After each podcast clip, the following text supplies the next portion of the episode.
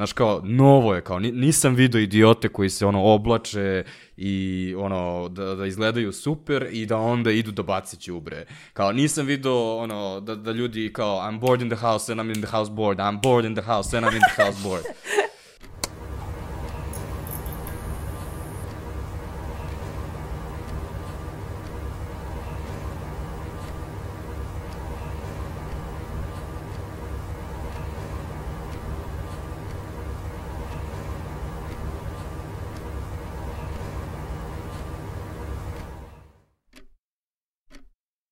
E pa dobro ljudi, volio bih da mogu da kažem da mi je drago što vas vidim, ali um, cele prethodne nedelje smo imali sastanke preko Skype-a i ono, već sam naučio kako izgledaju vaše kuhinje i um, šta sve imate da, ob... šta sve nosite po kući. Um, i dok iznosite smeće. Uh, ali šalo na stranu, baš mi je drago što ćemo da odradimo ovu stvar. Mislim da je snimanje podcasta uh, koji smo isplanirali možda nešto najkorisnije, najzanimljivije što možemo da uradimo ovog trenutka s obzirom da je 5 sati posle podne i da više nema izlaska napolje danas. Um, ok, očigledno ovo će biti specijalno izdanje podcasta koje ćemo snimati preko korist, koristeći najmoderniju tehnologiju, uh, a to je Skype, mobilni telefon i laptop. Ovaj, a tema će biti jedina moguća tema o kojoj možemo uopšte nas troje da pričamo ovaj, a, u skladu sa celom situacijom, a to je tema a, karantina, to jest samoizolacije, to jest pandemije, to jest sve, cele ove stvari, kako god je nazvali. Mislim da je ono što je važno da se napravi distinkcija na početku, da podcast neće biti stručan u tom smislu Dakle, mi no. ne znamo dovoljno ni o virusu, ni o celoj ovoj stvari da bismo pričali o tome. Ono što mi možemo pričamo, možemo pričamo o svom ljudskom iskustvu života u samoizolaciji i konkretnije od toga rada u samoizolaciji, zato što uh, naš posao je specifičan u tom smislu da je moguće raditi u samoizolaciji, što nam daje tu specifičnu priliku da pričamo takođe i o tome. Što mislim da je u stvari u ovoj celoj situaciji jedan, jedan, jedan veliki kao blagoslov, ali možda ćemo, sigurno ćemo pričati dosta o tome. Pa za početak, šta ima kod vas, Gorane, kako se tvoj život promenio u zadnjih par nedelja? A, pa moj život se promenio onako iz korena u smislu a, dosta je, dosta sam usporio sve što radim. Nekako svaki dan je počeo da se, imam osjećaj kao da smo postali oni ljudi od pre 40 godina, kao svaki dan se vrti oko hrane, Svaki dan je ono, šta ćemo danas da jedemo? Aha, dobro. Sada moramo da isplaniramo da idemo u radnju zato što ispred radnje ima red. I onda treba da čekaš u, re, u, u redu. Ali pošto si i dalje imaš školove i dalje radiš sa ljudima koji očekuju da se javljaš, onda najaviš kao da si izašao iz kancelarije izašao si iz, izašao si iz, iz kuće da sediš u redu ispred ovaj, radnje onda uh, doneseš to, ovaj, onda kao sad treba spremiš to, jer kao ono, ne, ne, ne možeš samo da odeš u kafanicu pored, uh, pored posla i kao završiš posao i kao, ovaj, baš me briga. I um, onda kad završiš to, tada je već ponovno prošlo 5 sati i tada ono sediš kući. Tako da, da, ovaj, svaki dan mi je onako uh, u nekom totalno drugom tempu, rekao bih. Mm, je li kod tebe isto ili je malo specifično iz tog razloga što ti, pored svih ovih problema koje mi, mi pominjamo, imaš i tu situaciju da si sa dvoje male dece koji kapiram da po, na poseban način podnosi da. celo ovu stvar? Pa da, e, imamo ono, imamo dane kad smo dobri, imamo dane kad smo besni. e, šalim se, meni se naravno život promenio, ali ja bih rekla samo onaj deo e, nekih naših navika E, dakle to, kad ustajemo, kako kupujemo hranu ili šta nam već treba, kako, ok, sve se vrti ko hrane, definitivno e, sada ulazimo u onu staru filozofsku, ono smo što jedemo, ja sam samo test ovih dana, pošto samo to jedem bukvalno, ali da, nije mi se promenio u, sem toga, u smislu, ok, moj dan izgleda drugačije, e, ustajem naravno malo kasnije, nemam sad taj problem da e, e, vodim klince u vrtić, da brzo stižem do posla, da pokušavam kao da stignem na svaki sastanak, ovo ono, sad je to malo ležernije, to je tačno, ali e, i sam si rekao, imamo mi dosta posla, radimo koliko možemo, meni je zapravo, ja sam shvatila da sam do sad sve vrijeme bila u izolaciji od moje dece u kancelariji, a sad sam obrnuto, sad sam na frontu. Ali ljudi stvarno, meni, znači da ja dok sam na sastancima, dok vam pišem na sleku, ja usput spremam doručak, hranim decu, kuvam, ajmo sad spavanje, ajmo budi se, a u piške sam se i slično. Eto, to je moj dan. I sad, kad, kada je prošlo neko vreme, možeš da nam kažeš ko ti je gotivniji, tvoja deca ili mi, tvoje kolege? Kako si okrutan! Šalim se, ne, ja imam... Oni se manje u sam- piške. Da. ovaj, imam samo trip da čim otvorim Slack, to mi je kao da sam zakoračila u kancelariju. Bukvalno, to je to. Kao da, ono, kad sam na Slacku, onda sam po zonu, onda postajem ona keva, e, besna keva koja prema deci, skloni se sad radim. Molim te, ne pustite, pustite me pet minuta. Bukvalno tako izgleda. A prema vama kao, e, gde ste ljudi, šta ima, e, molim vas. To bukvalno tako izgleda. Ali onda kao, naravno, pokušavam da sve pauze iskoristim sa njima, e, maksimalno ludo i kreativno. I da, najveći deo dana smo u kuhinji, Goran je to lepo rekao. Sve se vrti oko toga, bukvalno. Mm, iskreno, Zato ja čiji kad... se život mnogo promenio. Čiji? Đorđov. No. George je totalno zbunjen ovom situacijom. Um, ovaj, najviše od svega ga zbunjuje aplauz. Znači, ono, sve oko njega se dešava i sad on ne razume kao, aha, sad napolju, ono, neki zvukovi, onda je krenuo da laje, onda sam ja, izašao ovaj, na prozor da aplaudiram, onda, onda mu tek ništa nije bilo jasno, onda cvilka pa laje, cvilka pa laje. I ovaj, pored toga, naravno, ona, ima šetnju koja je u pet i onda ima... Uh, a neka, ako neko iz vlasti sluša ovo, molim vas, o, sada narednih U 20 tri, sekundi u tri, preskočite. u tri. da, u tri ujutru ga pustim napolje, samo ono stanem ispred uh, vrata i ovaj, pustim ga da ovaj, samo obavi svoje. Pa dobro, ne šetaš se ti, šeta se, žo, šeta se George, ne šetaš se ti. E. Da, ja tehnički sam na svojoj, na svojoj terasi, odnosno ovaj, kako mi u bloku volimo da zovemo naše parkove ispred uh, zgrada, to je moja bašta. Baš, da je, da. Moje deca inače obožavaju taj aplauz u osam, izađu na terasu i aplaudiraju i sad već znaju sve komšije u fazonu su, a gde je ona baba od juče, zašto nije izašla, ne razumijem, mislim, zašto ne aplaudira? I onda je, mnogo mi sve to super zabavno.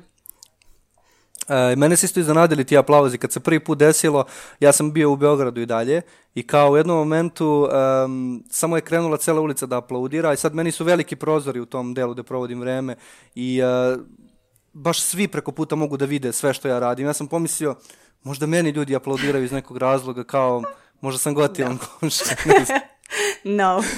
Mi smo, mi smo imali ovaj. slično iskustvo zato što um, uh, tada je počinjao u 8, um, u tom trenutku je počinjao policijski čas i onda smo se vraćali baš iz šetnje i odjednom mi se vraćamo iz šetnje i kao uspevamo sli, ono, u 2 do 8 stižemo ono, tačno knap ispred zgrade i kreće aplauz i mi u fazonu, bravo, vidi kako smo stigli tačno na vreme. Da, pošto se sve u životu vrti svakako oko nas, to je činjenica. Um, cool, ljudi, mislim, manje više svi ste rekli slične stvari. Ono što je mene najviše iznenadilo kada je sve ovo krenulo, bio sam u fazonu, ok, promenit će se stvari drastično, ali izvući ćemo neki maksimum kao iz te cele situacije. I onda šta sam ja zamišljao da je to izvlačenje maksimuma, a šta je u stvari ispalo izvlačenje maksimuma, nije baš ista stvar.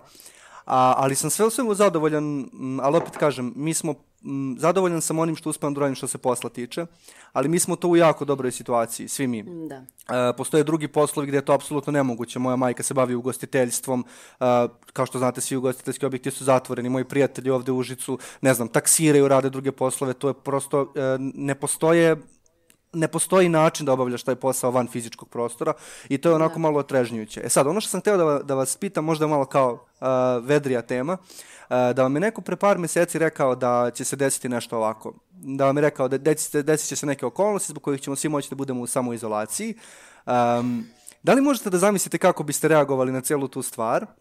Da li biste, uh, da li biste instant po, po, poleteli u neku negativu ili biste možda instant poleteli u nekom pravcu kao a, konačno, završit ću sve što sam ikada planirao, ovo će biti najbolja stvar ikada, ceo život se pripremam za samoizolaciju. U kom pravcu biste vi razmišljali? Šta mislite? Pa ja bih, ja mislim, razmišljala u tom drugom pravcu kao u fazonu, yes, znaš ono kad stalno razmišljaš, e da mi je samo malo vremena da raspravim ovaj prokleti orman, da pobacam sve nepotrebne stvari i tako dalje, pošto svi radimo sad to prolećno spremanje. A, sigurno bih otišla u to pravcu, ali zapravo se meni desio maltene neka vrsta sagorevanja one prve nedelje kad je sve krenulo kod nas.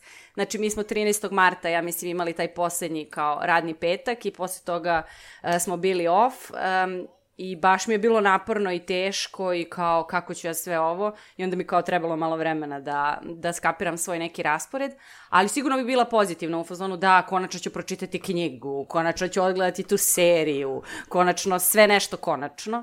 Tako da ja, mislim, ja sam i sad na neki način u tom, u tom raspoloženju, mislim da ovo stvarno uh, ok, možda je kao zastrašujuća stvar zašto nam se svima ovo dešava i tako dalje, ali ne znam, mo možda nam je i trebalo, možda je meni trebalo, I don't know, mislim pričam samo u svoje ime, ali uh, na neki čudan način imam, ima razloga da mi ova samoizolacija prije, stvarno.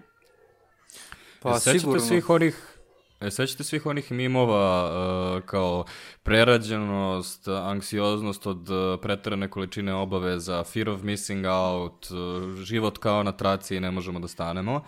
I sad se ispostavilo da možemo da. ovaj, da stanemo. I kao kad, kad moraš.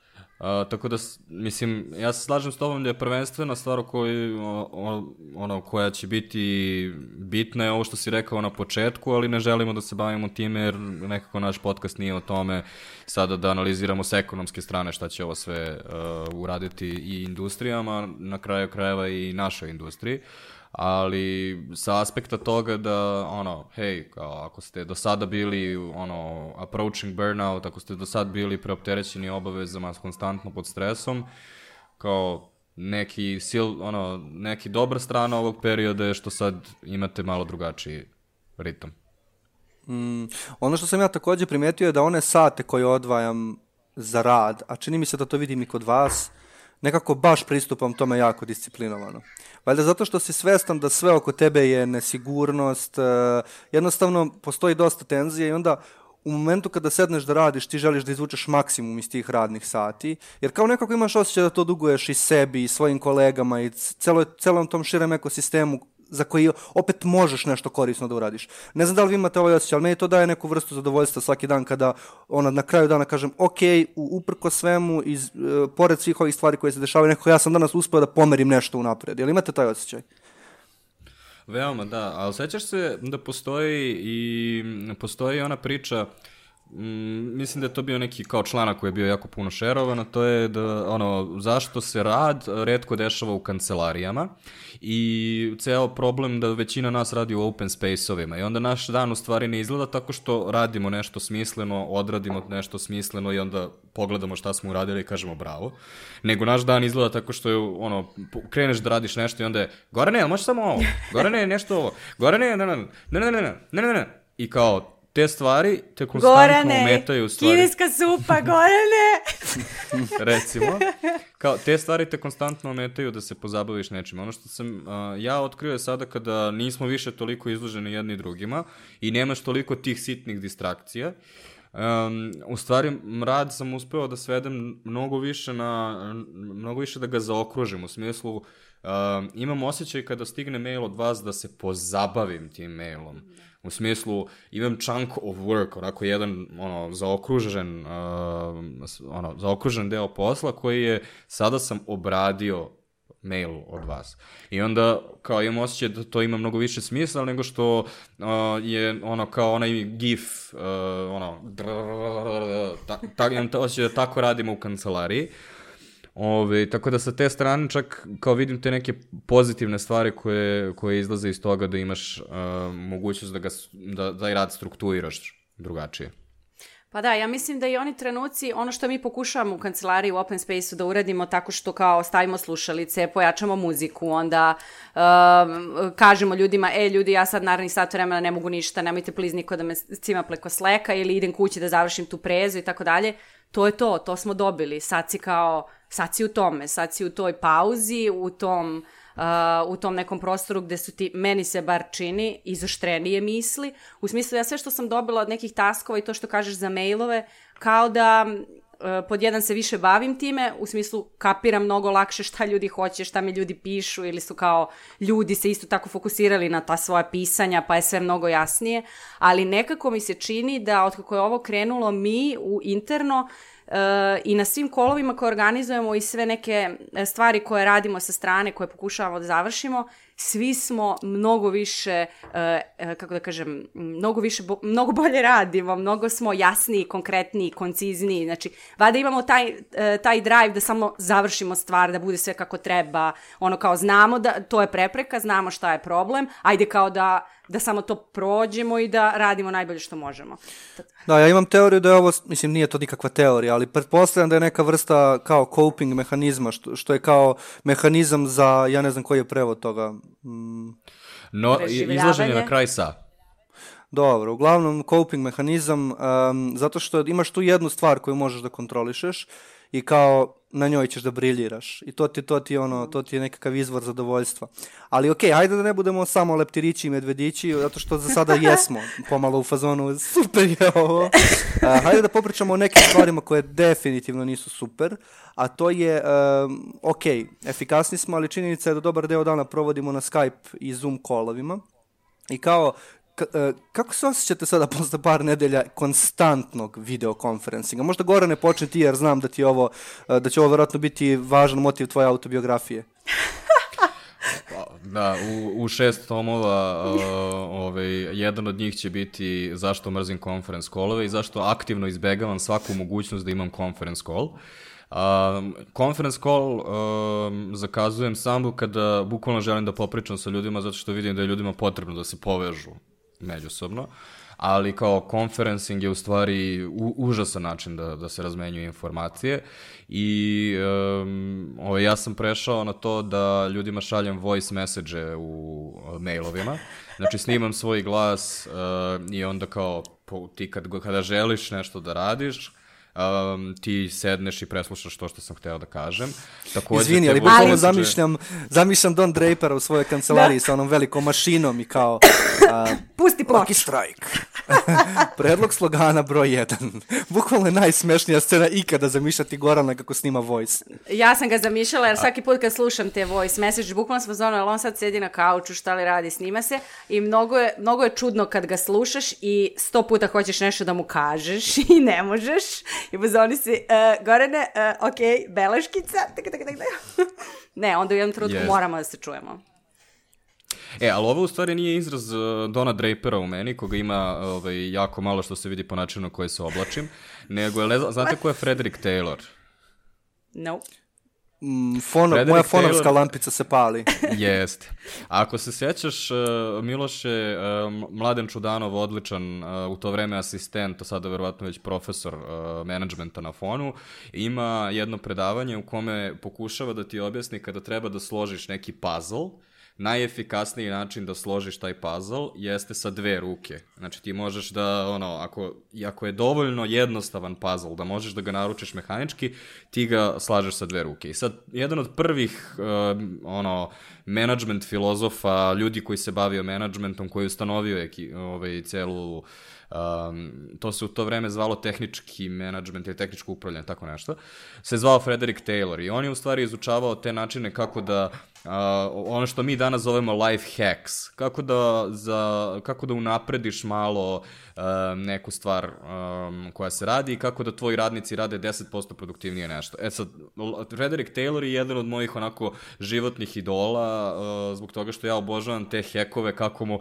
kako mogu recimo da ono, zato volim podcaste, zato što mogu da peglam i da slušam podcast i kao, sa jedne strane sam koristan, a sa druge strane radim nešto zanimljivo. Ovaj, tako da, um, ovo je u suštini izraz tog, ono, um, u suštini Frederika Taylora koji kao kaže, ajde da vidimo kako da ovo napravimo malo bolje. I sad, zašto ja, sad, ha, pet minuta kasnije da odgovorim na tvoje pitanje, Miloš. Ovaj, zašto mrzim uh, Skype kolove? Uh, sa jedne strane, uh, nikad Znači, koliko god mi živimo u 2020. svi imali najnoviju opremu, čak i u slučaju da stojite u konferencijskoj sali sa onim ogromnim televizorom koji ima kameru koja vas prati po sobi i tako dalje, ja ni jedan put nisam bio na conference callu koji je počeo bez toga da su ljudi bili u fazonu uh, do you hear me? Yes? tap, tap. Hello? Tap, hello? I, on, da, I onda krene i najgore je kad imaš internacionalni conference call.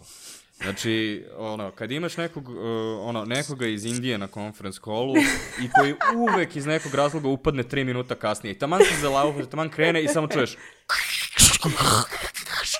Hello! I ono, kao, iz nekog razloga indici i italijani su ono, najgori na, na conference callovima. I kao, nikad nisam bio na conference callu koji se namesti isprave. Znači, treba 15 minuta da conference call se uopšte onako zarola. A druga stvar koju sam primetio kod conference callova jeste, i to se dešava nama sada trenutno u podcastu, zbog, sto, zbog toga što postoji mali delay, postoji nekih, ono, trećina sekunde, pola da. sekunde. Sad to ne zvuči kao da je strašno, međutim, uh, to u stvari totalno menja dinamiku razgovora, zbog toga što kada dvoje ljudi krenu da pričaju jedni preko drugih, to, to u pravom razgovoru u stvari znači da su se ljudi uključili u razgovor i onda svi sad pričamo ono, ovaj, kao dešava se nešto i kao ljudi se onda u stvari uključe više u razgovor u kome se dešavaju, ono, u kome ljudi pričaju jedni preko drugih. A kada se to desi na conference callu, sve stane, zato što ostatak ljudi ne čuje samo ono mm. brbljanje i ne može da, da, da razume ništa što se dešava. A, takođe, Ali zato, zato što... u conference callu mnogo više ovako klimaš, pa kao jej, pa ne razumeš, koristiš sve moguće znake da kažeš da si on da. point. A, ali to je u stvari napredno korišćenje, zbog toga što to su ljudi koji su shvatili da su na conference callu i da na neki način treba da komuniciraju sa kamerom. Kao, obično ljudi su jednostavno pokušavaju da rade kao, to je primarna stvar koju ljudi pokušaju uvek da rade kad su u čudnoj situaciji kao što recimo javni nastup, oni pokušaju na neki način da, uh, da budu normalni. I onda kao ti recimo sedneš u javnom nastupu Kao ti time misliš kao, ok, mi smo sada kao da pričamo jedni sa drugim, ali to ne da. može nikada, da, ne može nikada da bude normalno zbog toga što ti si i dalje u sali od hiljadu ljudi i neprirodno je da sediš kao, kao ne vidiš se, postoje funkcionalni razlozi zašto ti treba da stojiš. E, slično tako ti ovde, ljudi imaju taj neki, onako, izašao sam u operu, znaš, kao, kao sad, kao, ja sam sada na conference callu. Da, kao, imaju, imaju taj neki stav kao kad dođu pred kameru i kao generalno je jako neprirodno da gledaš u kameru, a plus toga sve kamere su užasno pogrešne, zbog toga što recimo mala tajna. Znaš šta misliš, Jelica šta, kako, su, kako su kamere užasno recimo, pogrešne? Moja, pošto smo mi trenutno na Skype-u dok snimamo ovo, ovo snimamo telefonom uzgred, znači Skype je ovde i ja gledam dole u odnosu na Skype. Pa i ja Vi nikad nemate dole. razgovor tako što... Da, vi nikad nemate razgovor tako što ja gledam ovako u vas. I to je užasno neprirodno. I onda, kao, jednostavno nije, no, ono, konstantno imaš osjećaj kao da, kao da ljudi, kao da pričaš, ono, da, da ti ljudi nekako govore stvari koje su, ono, nebitne, kao, A šta ti, o, šta, šta, šta? Razumeš kao, ono, kontra je ono normalne, no, normalne e, ali znaš šta je cool? A znaš šta je cool? Pošto ja uvek kada sam na conference callu imam onaj grid view i vidim sve ljude, dok, neki, dok neko priča, na primjer ti, ja posmatram druge ljude šta rade, da li ošte slušaju, da li čeprkaju nešto sa strane, da li reaguje na ovo što drugi ljudi kažu. Tako da meni fajn, jer ti u pravom životu zapravo uglavnom gledaš u to kako priča i redko kad ćeš sad kao da gledaš ljude oko sebe, mislim, ispašće kao da ne pratiš razgovor, a ovde to možeš. ja uvek to, ja uvek gledam onog drugog. Znači, ja uvek gledam okolo. Stvarno? Kao na, na, na sastancima ono neko priča, ja uvijek gledam kao da li, ne, kako da li ljudi, ljudi gledaju telefone, kako reaguju i tako dalje. Um, ali um, postoji još jedna stvar, a to je um, ovaj, objasni ljudima ka, kako mi snimamo Aha, ja imam uh, svoj, pošto nemam Android, evo, priznajem, grešnica sam, uh, pozajmila sam Android telefon i stavila sam ga na onaj držač za um, ubrus kuhinski, a onda sam za ubrus kuhinski, ma evo moram da slikam, stavila jednu štipaljkicu da bi, jeli, da ga osiguram da ne pada. Inače ćete videti u toku mog ovog um, skrina kako se u jednom trenutku ovako nešto malo zaljulja. E, to je to što ja pokušavam prvo da vidim da li mi telefon radi, da li je i dalje video on i onda mi se taj ubrus svako počne se cima i preslušne. Da, ovo je čitava, kako da kažem, konstrukcija novog doba. Evo. Ja samo Ako... da kažem da ne samo to, nego je ovo evolucija rešenja, zbog toga što prvo rešenje koje sam ja imao je bila knjiga, ali je knjiga bila hardcover i onda je onaj, ovaj, onda, mislim, ova knjiga. I pošto je uh, knjiga hardcover, vidiš, onda ovaj da. deo unutra Klizi. propadne i onda mi je bio A. ukrivo kadar i tako da sam ja sad otkrio da pored toga što uh, pored toga što je daleko ravniji ubrus, postoji još jedna dobra stvar, a to je možeš da nabiješ telefon u ubrus i onda pa baš da. možeš da ga onako da. staviš vodoravno. Ali, Vas dvoje baš raduju male stvari, to je jako lepo vidjeti. O, da. Iskreno, ovaj, skroz vidim posljedice samoizolacije u slučaju vas dvoje. E, Ove, a, um, ali takođe, uh, cela poenta ovoga je bila jeste da smo mi, nismo hteli da snimimo ovaj podcast na način da mi gledamo dole u odnosu na sve vas, Da. jer mislimo da bi, da bi bilo totalno neprirodno bil nekome da gleda kako mi pričamo ovako njima, a to se konstantno dešava na konferencingu. ali Gorane, Um, niko ne gleda podcaste. Tačno. Tako je, Majica nam je ostala u kancelariji, inače bih ja sad nosila. o, da, Um, a dobro, mislim sve da smo nas- sve vas koji ste apsolvirali- nas- To je Kaži. to, preklapanje. Izvoli Gorane, ti si stariji. Ovi, ti si u rizičnijoj COVID grupi. Oh my god. Ove, um, da, htio sam samo da pozdravim i ovaj, svog ortaka Ivana Katića, koga sam vidio da je na Facebooku oživeo onaj mim da je bio na sastanku na conference callu gde se gore obukao lepo u kravatu, a dole je bio u gaćama. Kao, to je ono, to se baš ceni. Bravo Ivane. Heroj našeg doba. Dobro, skontali smo da Skype ne volimo, da je Zoom malo bolji. Mislim da je čak Goran pomenjao nešto u vezi s tim u svom intervju koji je dao za marketing mrežu. Um, ali pojavili su se i neke druge aplikacije i servisi koji, E, da. koji sve češće ljudi pominju i neke od njih smo i mi testirali ono prvo kao stidljivo, ajde da probamo u, u krugu od par ljudi, ali neki su se baš dosta odomaćili i tu e, prvenstveno mislim na Netflix Party, ali to nije naravno jedina stvar. Inače, za ljude koji ne znaju, e, Netflix Party je e, dodatak za Chrome, to jest ekstenzija, koja vam omogućava da u isto vreme gledate sadržaj na Netflixu sa svojim prijateljima, mislim da je broj neograničen, ili barem mi nismo stigli do te granice, a potpuno je sinhronizovano ono što gledate i sa desne strane imate chat koji možete da koristite dok gledate to što gledate. I iako zvuči kao ok, mogu da chatujem na telefonu dok u isto vreme pritisnem play s nekim, u stvari se ispostavilo da je aplikacija strava i e, naročito je dobra za gledanje e, dokumentarnih programa, em, takođe koncerata, dokumentarnih koncert kao nekih e, ili muzičkih dokumentaraca. Stand-up takođe dobro funkcioniše u tom nekom, kaže, kaže Jelica da ne, ali možda će posle još više pričati o tome. ovaj, uglavnom, mi smo našli primjenu u tome i sad evo skupilo se neko društvo od nas pa ne znam, moguće da je šire društvo recimo do, do desetak ljudi, ne, ne mislim da je više od toga, e, i gledamo stvari na Netflixu zajedno. I kao, super, ja bih ovo svima preporučio i ono, kao, dobar je hack, da- dakle Netflix party. E, šta vam još pada na pamet? Jelica, ti si pominjala, E. čini mi se, house party. House party, da, e, pošto ja imam ovaj, grupu sa ženama, sve žene znaju koja je to grupa, bukvalno grupa se zove žene, nas deset, e, drugarica. E, jedna od njih je pokrenula, ajmo house party da instaliramo i mi kao ajde, ali zašto različito? U stvari, stvarno strava nije isto kao group call na Whatsappu ili Viberu, gde god, e, zato što e, kad god otvoriš aplikaciju, svima, e, svim prijateljima stigne notifikacija da je recimo Dragana u kući i onda ti možeš da pričaš samo sa njom, a možeš da pričaš sa kim god hoćeš naravno ili, se, ili svi joinujete na jedan kao grupni poziv.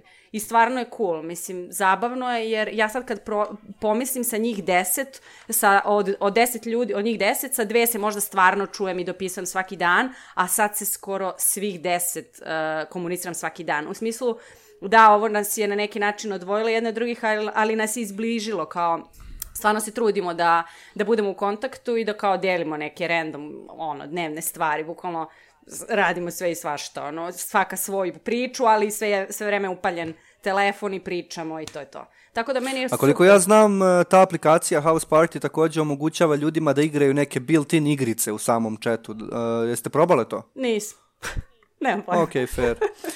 Um, primetio sam još jednu Mislim da stvar, si a to je sad- da... Izvoli. Mislim da si sad ubo ogromnu razliku, um, ovaj, to, o tome možemo da imamo ceo podcast, a to je da muškarci imaju svoje ekskluzivno muške grupe, a da žene imaju svoje ekskluzivno ženske Yes. grupe i da je to u stvari jako veliki deo društvenih medija, da, društvenih medija danas, odnosno ono što zovemo dark social. Kao Da. kako se žene ponašaju u ženskim grupama i kako se muškarci ponašaju u muškim grupama je, mislim, ono, ogromna razlika, verovatno, pošto ne znam kako se žene ponašaju u ženskim, ali to je u suštini kao veliki deo na naših korišćenja društvenih medija danas. A to što si upravo rekao je kao nekako, ti bi pokušao to da uradiš, ti bi ono bio u fazonu, ajde igramo neke igrice, a kao verovatno one imaju totalno ono, druga interesovanja. One se igraju života. A, ne znam da ste primetili, a, dosta, dosta a, Instagram storija se pojavilo u poslednje vreme. Ne samo Instagram storija, Eksplozija. iako i tu vidim, da, eksploziju, ali takođe Instagram live-ova. A, Gorane, šta ti misliš zašto ljudi odjednom snimaju toliko live-ova u to baš u trenutku života kada doslovno nemaju šta da pokažu? Pa mislim da je to ono, format koji Instagram i dalje forsira i onda izađeš ljudima ono, u feedu gore. Um, s te strane kao privlačiš pažnju na sebe, ali ne bih rekao da nemaju šta da kažu, jer m, pored toga što ono, se malo šta dešava osim covida, Mislim da takođe ljudi su ono, gladni da, gled, da, da, ono, da gledaju bilo šta. Mislim, ti, mm. ono, kao danas imaš eksploziju sve vrste online sadržaja. Između ostalog, vi znate da sam ja ovaj, Starkelja koji dalje gleda 9gag. Ove, I primetio sam da svi 9gag postovi danas imaju mnogo više lajkova nego što su ono, imali pre nego što je počeo COVID, jer ljudi bleje, znači ljudi bleje svugde, ljudi bleje na TikToku više, ljudi bleje na Instagramu mm. više, ljudi su više na Instagram storijima, ljudi su više na Instagram live-u kao, ono, logično da su, mislim da su i kreatori kao, ono, to je onaj, ano, svi kreatori sa kojima smo pričali u našem podcastu su rekli, ja vidim da nešto može da se desi, ja onda pokušam. I jednostavno, svi, i svima njima je sada dosadno, i oni svi nemaju šta da rade, i onda su videli bukvalno, ono, postoji to prozorče, ono, na vrh Instagrama, i oni su rekli, okej, okay, hajde da vidim šta ja mogu da napravim kao Instagram live, da vidim da li to ima smisla. Većina njih prčka, pokušava, igra se I to je meni, ono, to je meni super, ono, dokle god ljudi, ono, nastavljaju da kreiraju neke stvari, meni su, ono, meni je super da pogledam šta, šta svi rade. Baš uh, Aleksandra iz Istorijskog zabavnika, koja nam je bila na podcastu skoro, ovaj, gledao sam njen, uh, gledao sam njen live, o, koji je bio bukvalno onako, nekako njen live je počeo tamo gde se završio naš podcast, odnosno kad nam je objasnila onda kakav je njen uh, ta, ono, target grupa, odnosno kao njen zajednica oko njenog profila i ona je sad bukvalno ono, iskoračila ka toj zajednici i nastavila razgovor sa njima je kao, e sad sve ono što vi meni kažete u komentarima na prvu loptu, evo sad ću ja vama da objasnim i na drugu loptu šta mislim o tom. Tako da meni da, je zanimljivo. To je, to je jako zanimljivo. Inače i Marija iz Umetnost kaže, da. može, koja je bila gošća kod nas, e, je odličan sadržaj. Da, ona baš Jednostavno, m, z, e, toliko su dobri ti e, novi mimovi koje ona izbacuje. Da Ovaj, baš me nasmejala dva, tri, četiri puta. Pa i ne samo mimovi, ona je sve više na storijima e, i baš sad iz, izbacila nekoliko onih serijala na storijima, tako da da, ko nije zapratio mora, nek zaprati što pre. Umetnost kaže može. Umetnost da, kaže ja može. Bih, Ja bih i dalje, uh, mislim, pošto smo dravili o TikToku, za mene je TikTok i dalje uh, ono, naj, najjača stvar što se dešava 2019. i 2020. Uh, to, to nije kao moj ono, profesionalni savet, Uh, to je čisto kao ja, kao čovjek koji voli kretenizme sa interneta, mene ovo podsjeća na one zlatne dane, ono, foruma, početak Vukajlije, ono, postoji jednostavno taj, ono, sveopšti entuzijazam uh, kao ja obožavam kada su ljudi, kada ljudi bivaju, ono, kada ljudi ulože gomilu truda da bi bili kompletni idioti na internetu. Meni je to ono fenomenalno ono da gledam. I sad recimo ovaj na TikToku ima gomila challenge-a, um, ovaj poslednji koji ide trenutno jeste da ono ide feeling good Michael Bublé, znaš ono kao ludilo i onda se oblači neko ono obučeš se kao mega fancy da. i onda izađeš da baciš đubre. to je nice. Ove, ovaj, a Ove, tako da trenutno su mi ono, trenutno mi TikTok i dalje ono, šuri sa time, zato što TikTok je prvi prešao na, na ono, nove stvari koje su vezane za COVID. Uh, za razliku od recimo ono, stvari koje vidim da se šeruju recimo na Faceu kao oh my god, ako svi, uh, ono, ako smo svi u karantinu, zamisli sada da prežive samo ovi iz parova i da onda oni moraju da repopulišu zemlju, je kao kao really, kao to je bilo i moja, ono, to je baš ono prvoloptaški, kao moja, ono, prva stvar koju sam ja pomislio. I takođe imaš one stranice koje šeruju, ako znate one uh, mimove koji su ono bajati mimovi od pre 10 godina, tipa ona veverica što urla, znate tu vevericu? Da. Mhm. Mm E, i onda veverica koja urla i onda nešto piše sada za COVID. Da, znaš. da, da, da. Kao stavili, stavili su nešto novo na to. I kao onda sam u fuzonu, to, to je tako ono, neinventivno i lako, ono, znaš, kao, da, da bi nešto postalo popularno na, na, na TikToku, ono mora zaista da bude sveže, ono.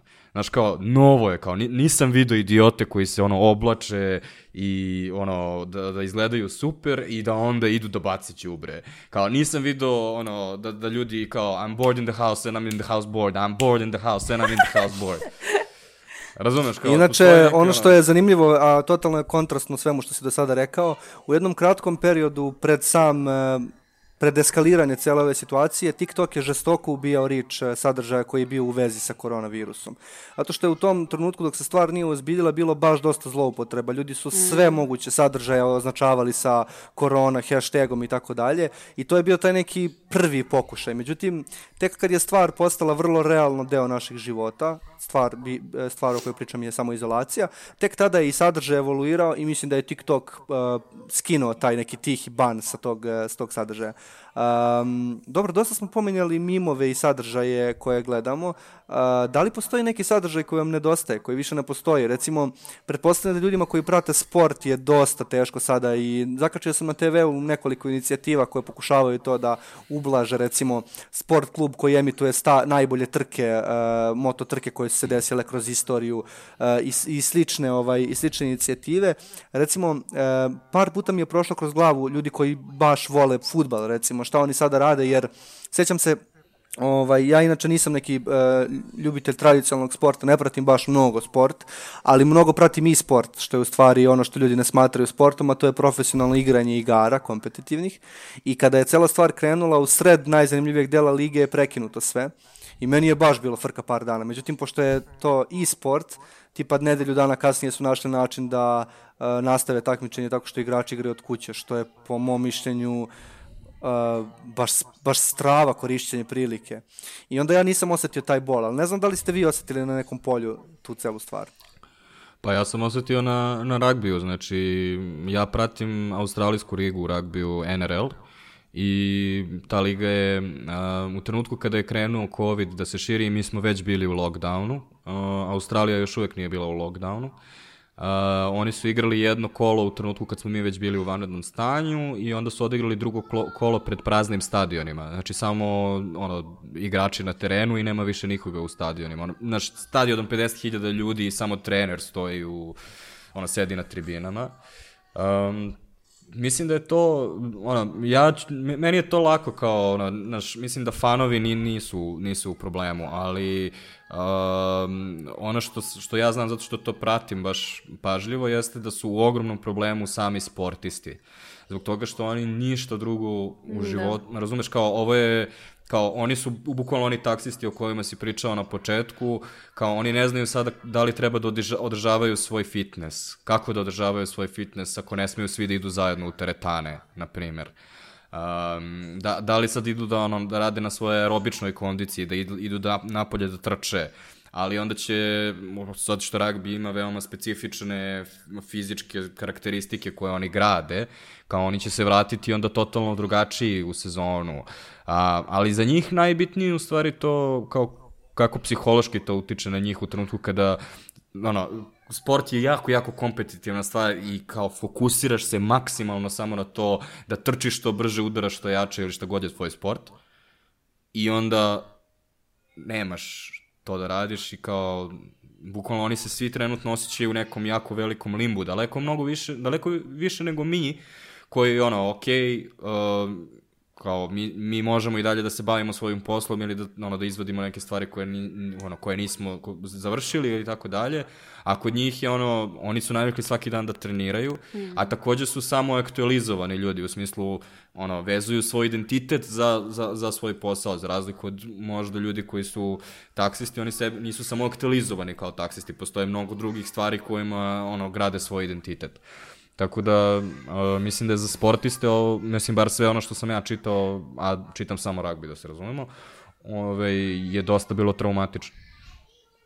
Jelice, kako ti održavaš, da li ti, uh, kad smo kod sporta i weird smo došli do ove teme, ali nije loša tema, je li imaš nekakvu fizičku aktivnost, ili uspevaš da kao, jel te brine šta će se desiti sa tvojim zdravljem zbog samoizolacije? E, pa da, ja sam baš i pričala s nekim prijateljicama o tome u smislu kao da, svi ćemo biti unutra, naravno sprečit ćemo neko, e, neko nenormalne širenje ovog virusa, ali ti zapravo Uh, radiš loše za svoj imunitet, jer kao imunitet nije samo vitamini, limun i ostalo, već je i fizička aktivnost i meni u stvari najviše nedostaje i zbog moje dece to neko uopšte izlaženje napolje, uh, bilo kakva aktivnost u smislu šetnje, trčanje i slično.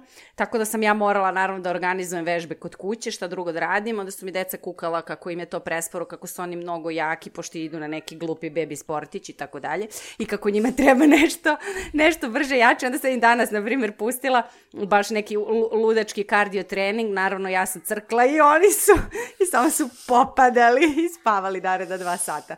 Tako da da, šta radimo, bukvalno ih pustim da trče po kući i trotineti se sad voze po kući jer to kao deći drugo. I to je to. Mislim, strava, hvala Bogu da neko bar uh, od mojih ljudi ima kuću i dvorište, to je sad stvarno spas ko može da ono kao bar malo izbleji napolju. Mi smo u stanu tako zatvoreni, ali šta da radimo? Prokušavamo sve načine ono da... Moj ti je da savjet da naučiš decu da igraju igrice na kompjuteru, nećeš ih više viđati uopšte. ovaj, tako da, ono, a, nemoj da slušaš ovaj savjet, to je bila samo loša šala. A, do, dolazimo do jednog dela koji sam pripremio, te zapravo mislim da možemo da donesemo možda najveću vrednost uh, u ovom podcastu, a to je deo gde sam hteo da preporučimo ljudima neke cool stvari koje mogu da rade, čitaju, gledaju, kako mogu da provode vreme kvalitetno u ovom periodu. Mislim da je svako od, od nas, barem sam ja čuo dva super preporuke u prethodnom periodu i uh, ja bih u stvari uh, krenuo sa jednom. ovaj, Ajde. jednom stvari koju sam uradio. Um, dakle, dosta ljudi koji prati ovaj podcast se na neki način interesuju za komunikaciju, marketing, um, advertising u nekom širem smislu i uh, nedavno se pojavio na master klasu jedan kurs koji uh, je zapravo se bavio ovom temom, a to je kurs od uh, Goodbija i Silver, Silverstina, um, dva baš baš poznata marketara. I iako sam ja uvek imao neku vrstu mm, rezerve prema masterclass kursivima, e, jer um, su mi uvek više delovali kao da su forma nego suština, ako tako mogu da kažem. Dakle, savršeno isproducirani video serijali sa ljudima koji su neverovatno uspešni, ali u suštini pričaju ne baš korisne stvari. Zapravo ovaj kurs je baš dobar i mislim da je nešto najsvežije što sam gledao vezano za advertising u zadnjih ne znam koliko vremena. Recimo, mislim da sam uh, prošli put, kad sam pomislio da mi je bilo korisno da gledam nešto, bilo kad sam prvi put gledao film Art and Copy, koji mislim da ste takođe i vi gledali, a bavi se sličnom temom, ali to je bilo dosta davno. Tako da možda i to preporuka za ljude koji nisu gledali, dakle, film Art and Copy, dokumentarac koji možda se pronađe, ili Copy and Art, ali nije ni bitno, naći ćete da. ga. Dokumentarac koji možda se pronađe na, čak mislim i na YouTube-u, a svakako na svim mogućim sajtovima za filmove i masterclass koji uh, je actually baš dobar. E sad, dosta ljudi kojima sam već ovo preporučio su mi rekli kao, pa da, ali skup je masterclass i stvarno jeste skup. Uh, I stvarno je teško opravdati preporuku od 90 dolara, ali um, iskreno rečeno... Ja samo da se ubacim, uh mhm, -huh, kaži. Ovaj, ja, ja se ne bih složio sa tobom zbog toga što...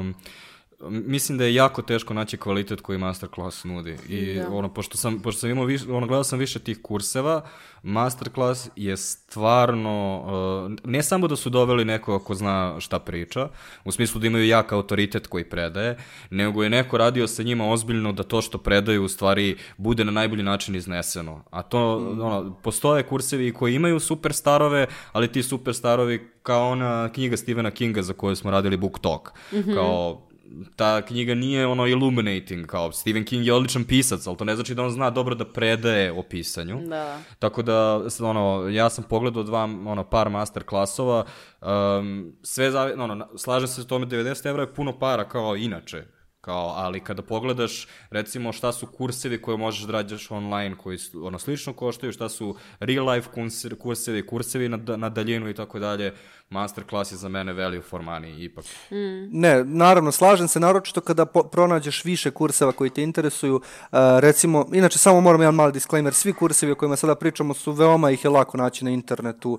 u slučaju da ne možete da izdvojite novac za ovo, snađite se, ili kucajte nam na private pa ćemo vam objasniti.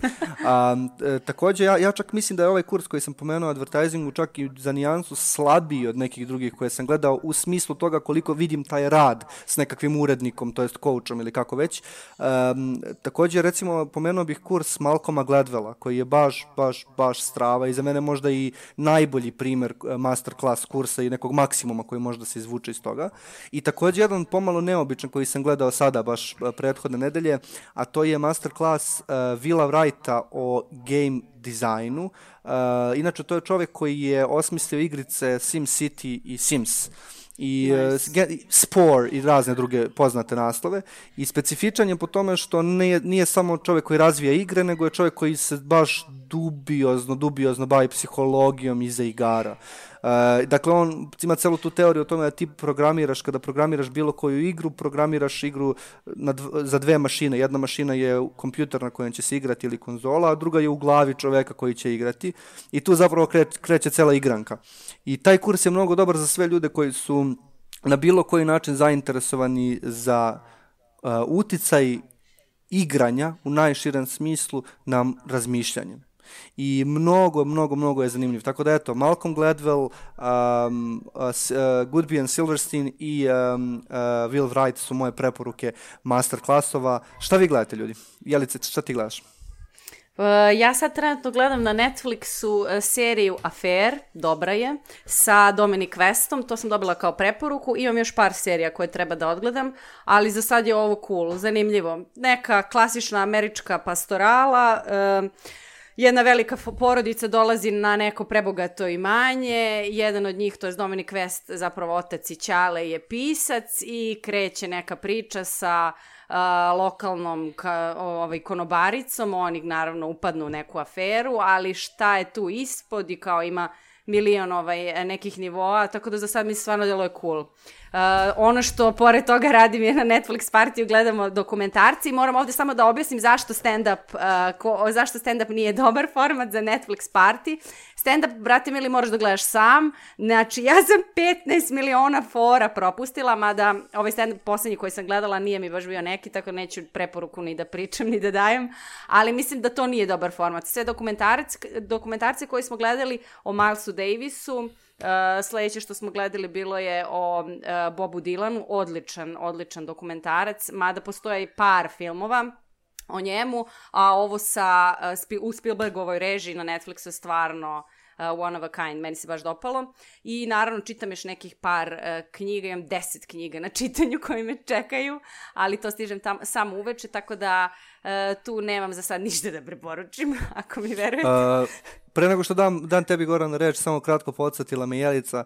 Um, u ovakvim vremenima kada ti se drastično promeni raspored e, ži, životni, mislim da je jako korisno da izgradiš neke, uh, izgradiš neke nove rutine. Ili da barem da. probaš da. da ih izgradiš, jer postoji razlog zašto imamo rutine u životu, one su nama jako korisne uh, na psihološkom nivou. E sad, jedna rutina koju sam ja razvio, koja me totalno iznenadila, je da gledam film dnevno. E sad, to ne zvuči kao nešto, ali iskreno rečeno ja skoro da sam bio prestao da gledam filmove potpuno prethodnih uh, meseci ili čak možda yes. par godina, a sada znam da svaki dan gledam jedan film. I uh, ozbiljno se potrudim da pronađem dobar film, film koji sam dugo odlagao da pogledam i to je vanzemaljski dobro. Između ostalog, u uh, ta cela stvar me, me navela, to jest shvatio sam da ne bi bilo strašno puno vremena, da pogledam uh, ponovo Kum trilogiju, tako da sam tri hmm. dana, to traje mnogo duže naravno od toga, ali tri dana sam izdvojio tog svog niza da pogledam eh, prvi, drugi i treći deo Kuma i kao bukvalno sam razmišljao kad bih u životu sebi to omogućio, jer to ne znam da li znate traje preko 9 sati, jer da, samo da, drugi deo traje preko 3,5. Sad bi trebalo da pogledaš i Irishmana. Samo taj film traje 4 sata i treba da ga pogledaš sataman kad si odgledao ta tri. Goran kaže ne. Ne. Zašto?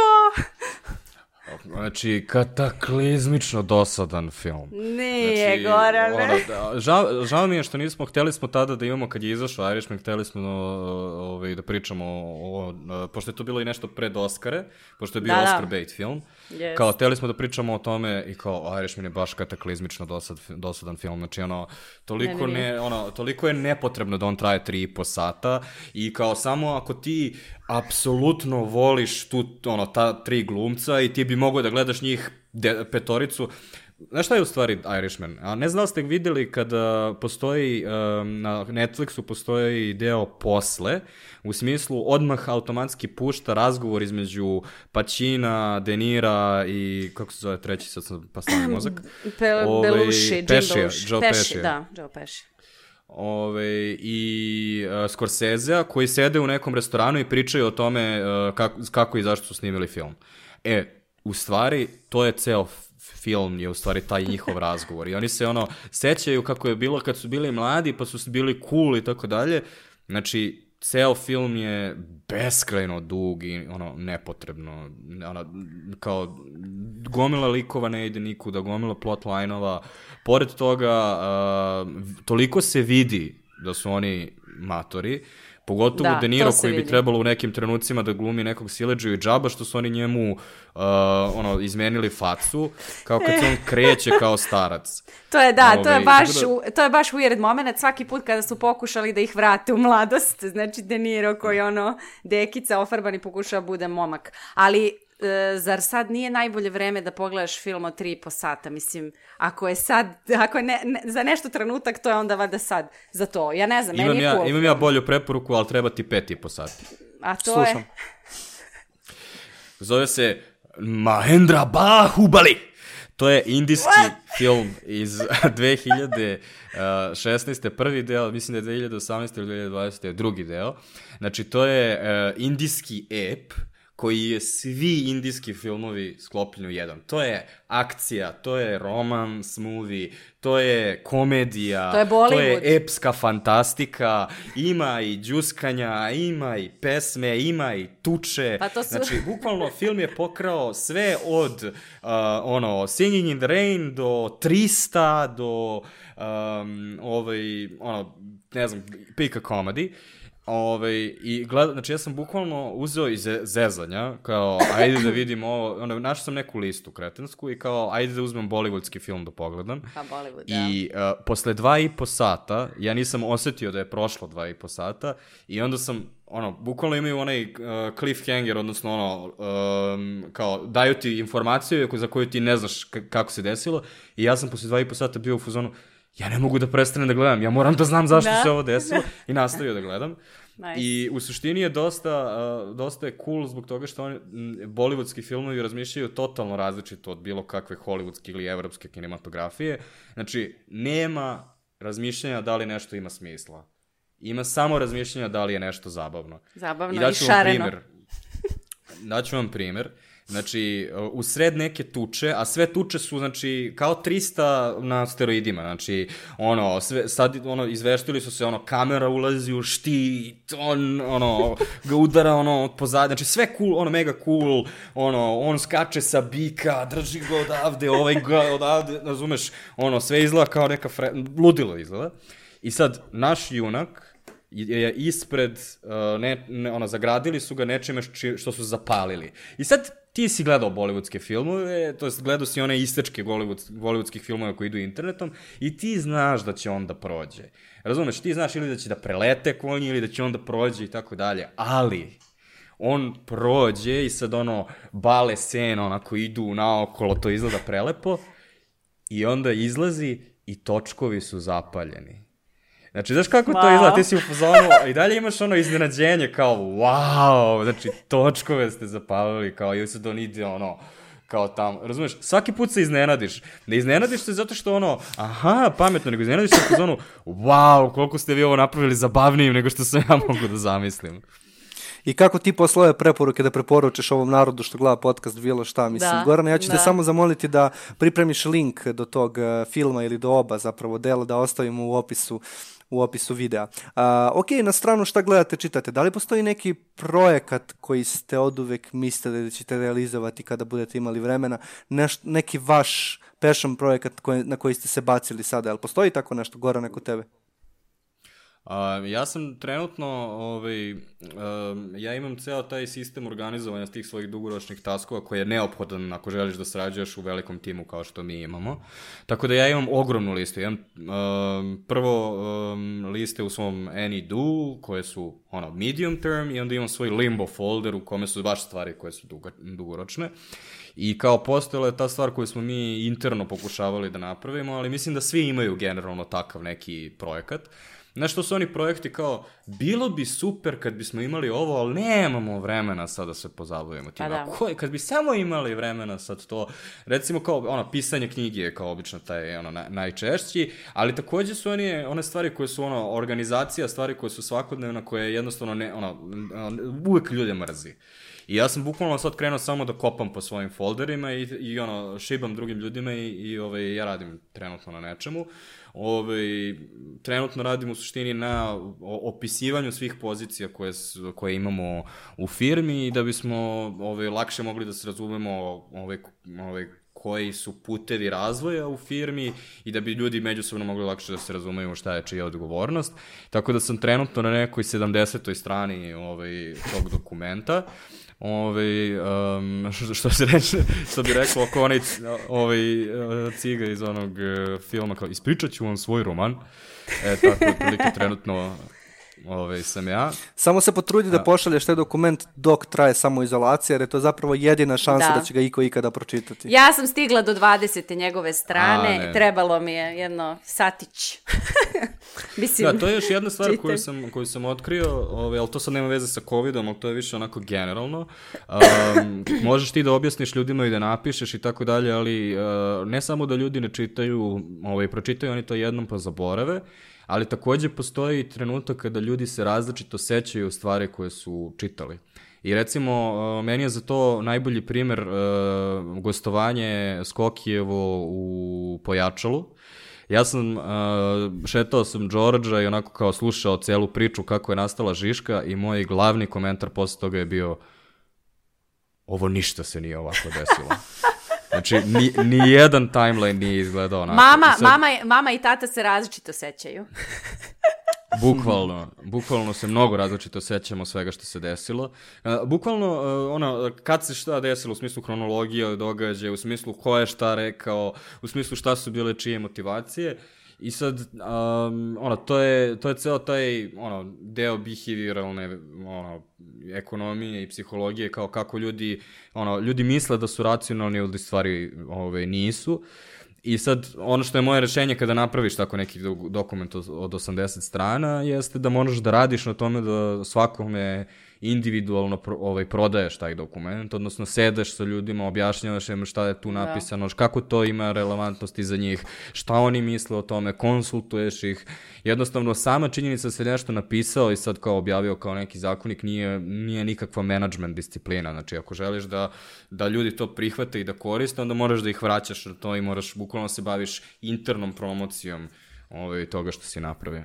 Gorane, sad ja te da zamišljam da kao onaj prodavac što ide od kuće do kuće sa ono enciklopedijama, se sećate ono, da, drži, kao, evo, ja, treba Vi ste kao neki Jehovin svedok u smislu, da li ste pročitali čitak?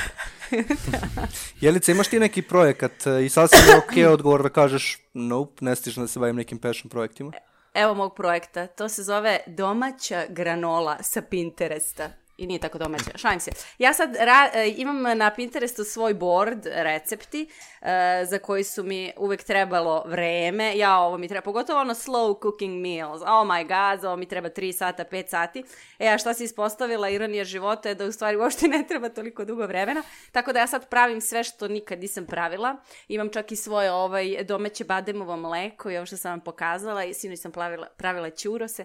Uh, mislim, to je naravno jedan od načina kako da zabavim svoju decu na, oni prave tu prčkaju sa mnom, tako da za sad je samo kuvanje, ali ono što sam malo prezaborala da e, pomenem, a i malo ima veze s ovim što je Goran sad pričao, uh, super knjiga koju se stalno vraćam, pa čak i sad, e, zbog cele ove priče, emocionalna inteligencija Davida Golemona, tako da to preporučujem ljudima, baš je um, eye-opening za ceo život, pri, čak i za ovo sad trenutno shvatanje situacije i kao vaš neki coping mehanizam kako da ovo predbrodite. Tako da super stvar za čitanje. A što se tiče mojih nas, projekata, aha. svi su za sad u kuhinji.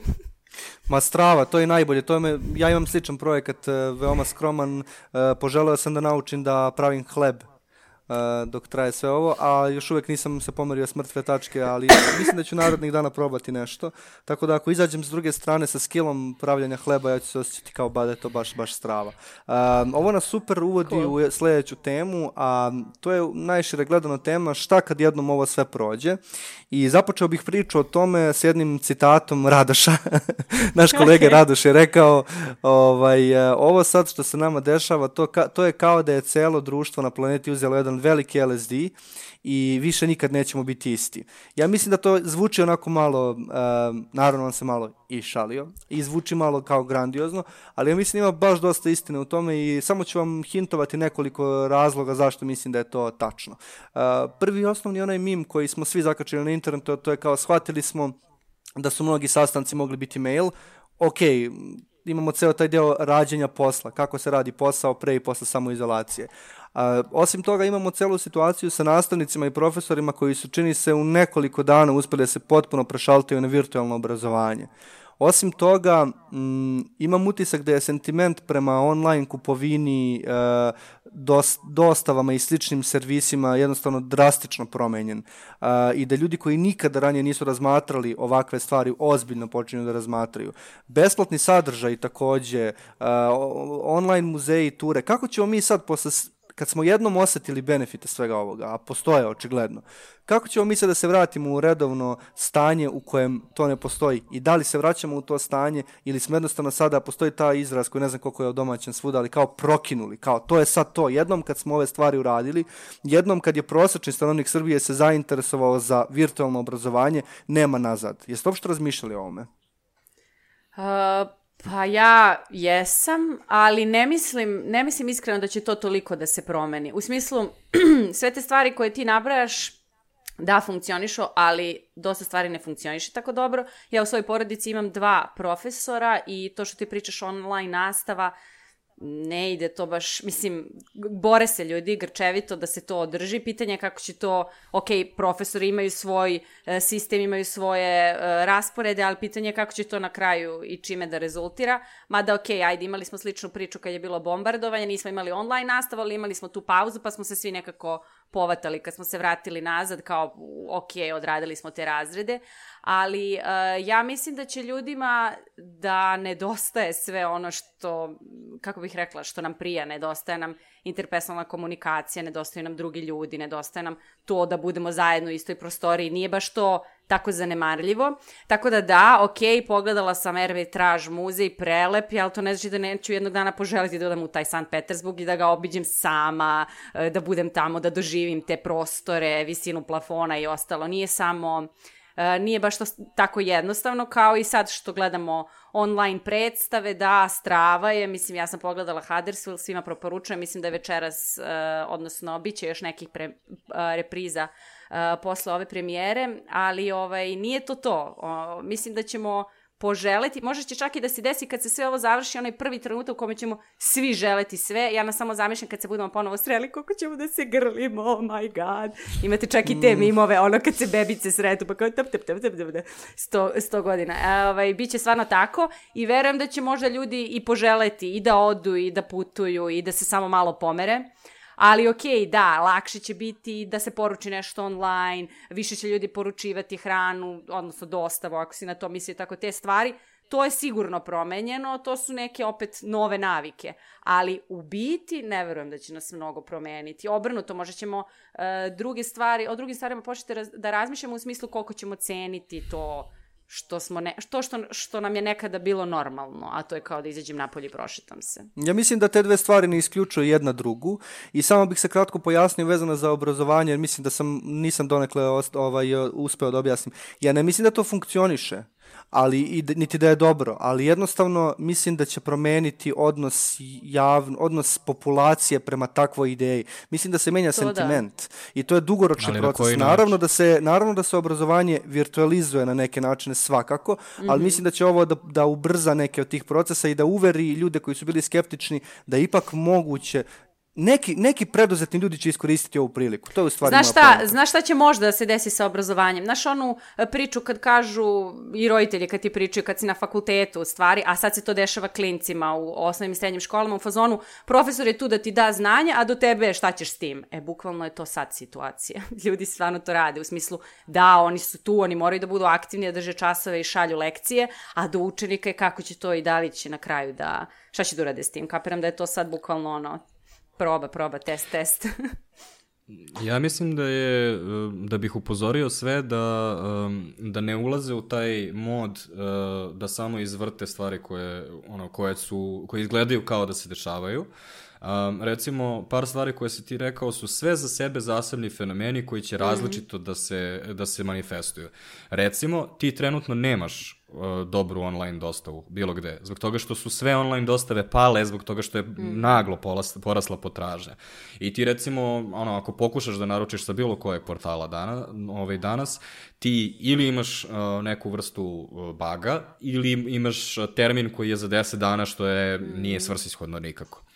A, zbog toga, kao pitanje je da li će u stvari ovaj period doneti boljitak online dostavi, odnosno više ljudi će raditi online dostavu ili će ovaj, upravo suprotno se desiti, odnosno ljudi će biti u fazonu čak i kad mi najviše trebalo, u stvari nisam mogao da dobijem online dostavu. Ovo pričam kao neko ko je u stvari pokušavao, ono, baš, ono, pokušavao da ubedi svoju ženu i sebe da se organizuje maksimalno, da ima, ono, da, da radi redovno online dostavu i sad smo pokušali opet i bukvalno smo bili u fazonu, damn. Da. Ovaj, tako da ja i dalje, kao što sam rekao, idem ispred radnje da čekam u redu. A druga stvar je recimo, ovaj, pošto sam ja gledao Huddersfielda uživo, a, I ja. Ovaj, a, pokojni Nebojša ovaj, Glogovac je a, bukvalno, ja sam ubeđen ljudi dobio nervni slom na, na bini ispred Svaki mene. Ja put, sam iste, svaki put. Ja, ja, Ja sam rekla kad je on umro, predstave- da, kad je on umro, ja sam rekla bukvalno ljudi koji njega gledaju u Huddersfield, on je tu predstavu odigrao preko 60 puta, N- mislim, ne može da, kako da ostaneš normalan posle onoga. Baš je potresno. ja sam bukvalno izašao, ono, meni je trebalo celo veče da se uopšte vratim, samo, samo iz čiste ono, empatijske reakcije u smislu čovek je imao, ja, nešto se desilo ispred mene kao ja sam trebao da pomognem drugom ljudskom biću, toliko je, toliko je jak njegov performans. Nikad zbog toga nisam ni hteo da gledam film, niti da gledam bilo kakvu vrstu ovaj, snimka, zbog toga što mislim da nikako ne može, ono, to je jedno najjačih iskustava koje sam imao ovaj, sa ono, bilo kakvim umetničkim delom. I kao to ne može da zameni ono iskustvo pozorišta ne može da zameni bilo kakav stream. Super je što se to dešava to, ali samo da se, da se razumemo da je to jedna totalno drugačija vrsta zabave i apsolutno nije tačno da će ljudi sada biti u fazonu, a ne moram da idem u pozorište, mogu da, da gledam taj stream koji, ono, koji će na, izaći na nekom torrentu i tako dalje. Mislim da to nikako neće, mo- o- ovaj, neće da se desi. Um, mislim da, kažem, svaki od tih fenomena koji si opisao, mm. a koje svi ljudi stavljaju sad onako jedni za drugim kao uh, dešava se ovo, dešava se ono, sve, sve te stvari koje bi trebalo da se desi će u stvari, kada ih pustiš u stvarni svet, će na kraju da izađu totalno drugačije, jer ko zna šta će ljudi da, ono, da, da urade sa svima njima. Recimo, da li vi, um, šta se deš, ono, da li biste vi poverovali da vam je neko rekao pre dva meseca, a, vlada će da kaže um, ljudima da ne izlaze posle 8 ili posle 5 i ljudi će to da poštuju. Znači, prva reakcija koju, bi, koju bismo svi imali bi bila, a, ma jeste, mi živimo u Srbiji, ko će to da poštuje, zato što mu je neko rekao. A u stvari, kao ja sad vidim da ljudi, ono, u pet, kada je, ono, kada počinje ovo, zaista su puste ulice, kao, ja dođem u pet do pet nekada zato što šetam Đorđa. Kao, ja ne vidim nikoga više u, ono, u napolju u tom trenutku. Takođe, da je neko rekao pre dva meseca da, su, da će Srbi stajati u redu dva metra jedan od drugih i da neće da, da se, ono, nabijaju jedni drugima, da. kao rekli biste, ma nema šanse, nikad se to neće desiti. Pa sad i dalje, ono, sa, ono ljudi su samo inicijativno krenuli da stoje, ne samo u Maksiju gde su im, ono, obeležili ovaj, gde treba da stoje, nego i ispred uh, ono, pijačice ili ispred apoteke, ljudi samo inicijativno se odaljavaju i ono, ovaj, daju sebi ono, mesta da se ne bi, da se ne bi gurali. Kao, mis, mislim da ono što će nas obeležiti, mislim da je tačno, ono će biti one, ono, ono je jednom generacijski događaj, kao pričat ćemo o ovome na način na koje su generacije posle velike depresije, ono, uh, 30. godina pričale o tome. i kao definitivno će nas obeležiti, ali na koji način to mislim da neće biti iz te prve, iz tog prvog baketa, ono, što svi mislimo da će biti. Ne, ne, nešto će biti u tim stvarima koje, ono, ljudi će prestati, da, da će se ljudi rukovati i dalje? Razumeš kao... Dobar dan, dobar da. dan. Ja, zato što, šta se budemo, meni desilo? Budemo... Ja, bila, ja bila u ovaj prodavnici posle 10 dana izolacije i kako mi je ona maska stala preko face, baš, baš sam se zakašljala, ono mi smeta i tako dalje. Počnem da kašljem i jedna baba, mnogo nas je, gospođo, jel možete da izađete? Obzveđenje! Eto, to mi se desilo, bukvalno. Ko bi rekao pre dva meseca da su me pitali da će mi izbacuju iz prodavnice, rekla bi ne, ja fina žena, molim vas. Uh, u stvari, cijelo ovo pitanje je bila jedna diverzija, zato što sam ja u stvari, mene samo jedna stvar interesuje, a to je da li će Goran stvarno nastaviti da šalje voice poruke i posle ovoga? Ja, mene samo interesuje da li on stoji dok šalje voice poruke. Ne, znači te voice poruke koje ja šaljem kao pa, ono, pratići deo maila su uvek, imam koncept ispred sebe i ovaj, sećam se, to, to su u stvari koncepti koje sam ja pravio za debatne govore i ovaj, na isti način ih slažem i onda uh, pratim i izlažem, a pored toga obično gledam rad uh, koji komentarišem, to je prezentacija ili neki Word, ali mislim da je mnogo bolje uh, da se prenese kontekst, zbog toga što u mailu često sve zvuči jako robotski i strašno, a kada čujete moj glas mislim da, da bolje bolje dobijate kontekst i te subtilnosti koje želim da, da prenesem. A, a sa druge strane mislim da je mnogo ljudskije, jer uh, mail kada čitaš je onako dosta čekić u glavu i mail je dobar za ono, treba da uradimo to, treba da uradimo to i treba da uradimo to, a um, glasovno obraćanje je ono, za subtilnije stvari koje, a mi se često bavimo u stvari subtilnim stvarima, tako da ja sam hooked, ja ne, ne, definitivno nastavljam sa ovime i samo Imam gledam samo... kako ću u kancu. Imam samo jedan predlog, pusti neku muziku u pozadini. zato, što, zato što kad je Ali... totalna tišina zvučiš kao Hannibal Lecter. Evo, Goran ovde. 5 a.m. in the morning. Ptičice su na prozoru. ali, ali, da muzika, ali da muzika bude od oslikava to što želim da Kao, ako, je ne, ako nešto ne valja i kad sve mora se promeni, onda je u pozadini Slayer, Raining Blood. Ne, onako. ne, ne, tvoja muzika uvek mora da bude Ana Nikolić, bilo je lepo. I to je to, nemaš niko ništa da ti kaže. Inače, vezano za ovaj LSD koji sam na početku pomenuo, podelit ću samo jednu misao koja mi često prolazi kroz glavu prethodnih dana. E, interesuje me šta i vi takođe mislite o tome. A tu možda možemo lagano i da zaokružemo ovaj razgovor. Um, a to je, m, razmišljao sam dosta o disciplini. I zapravo sam shvatio da me cela ova situacija inspirisala da kada se završi cela ova prva početna situacija sa izolacijom i policijskim časom, kako ga zovemo i tako dalje, e, da u stvari baš želim da izađem s druge strane disciplinovaniji i organizovaniji. Zato što sam shvatio da, da mi u stvari radimo i operišemo na dnevnoj bazi u jednoj situaciji izobilja. I baš osjećamo to izobilje i baš nam je jasno potpuno sve vreme da imamo uh, mnogo resursa pred sobom i da imamo mnogo načina da rešimo probleme i lako ćemo. Mislim, ne kažemo mi lako ćemo, mi smo svi overachieveri, mnogo radimo i tako dalje, ali na nekom nivou mislimo lako ćemo. A zapravo ova cela situacija koja e, me naterala da prvi put razmislim o nekim ono, vrlo logističkim stvarima i on naučila me na jedan brutalan način vrednosti organizacije i samo organizacije. Um, nekako ja plan, želim da izađem s druge strane uh, kao neko ko mnogo, mnogo odgovornije promišlja sobstveno vreme. Jeste uopšte imali ovo kao temu ili sam vas ja sad potpuno kao šta ovaj lik priča i hajde da već jednom završavamo ovaj razgovor? E, pa ja sam imala zato što sam ja morala da napravim raspored za sebe i svoju decu, drugačije stvarno ne bih mogla da radim radnim danima, kada su oni tu, bukvalno imam raspored. Od kada do kada traje doručak, kada ja radim, ulazim u kancelariju, sedam za laptop i tako dalje.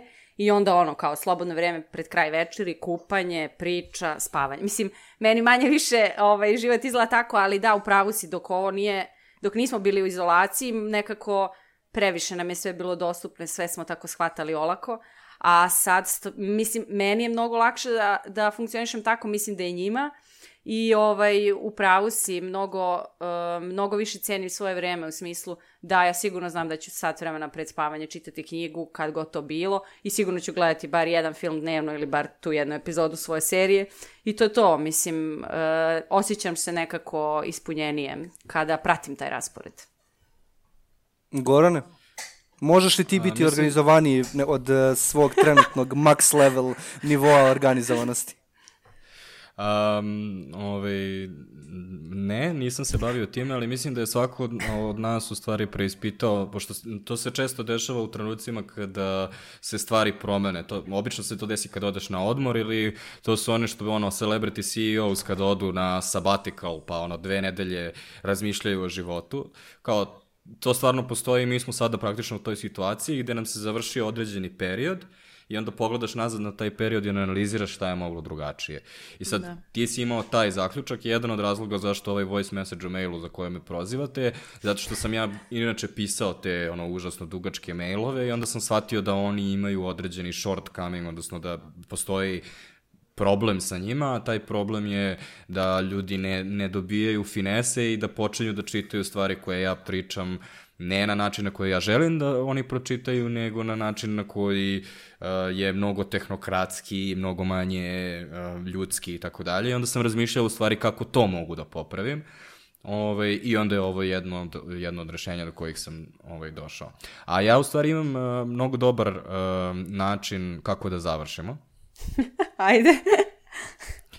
Uh, ovaj, mene je moja žena ošišala pre ovog podcasta, ovaj, pošto Okej. znate da frizeri ne rade, ovaj, tako da ću ja sad da, ovaj, da ono, um, vam pokažem to, a vi ocenite od 1 do 10, vas dvoje, a ostali ljudi dole u komentarima takođe, znači moja žena kakav frizer 1 do 10.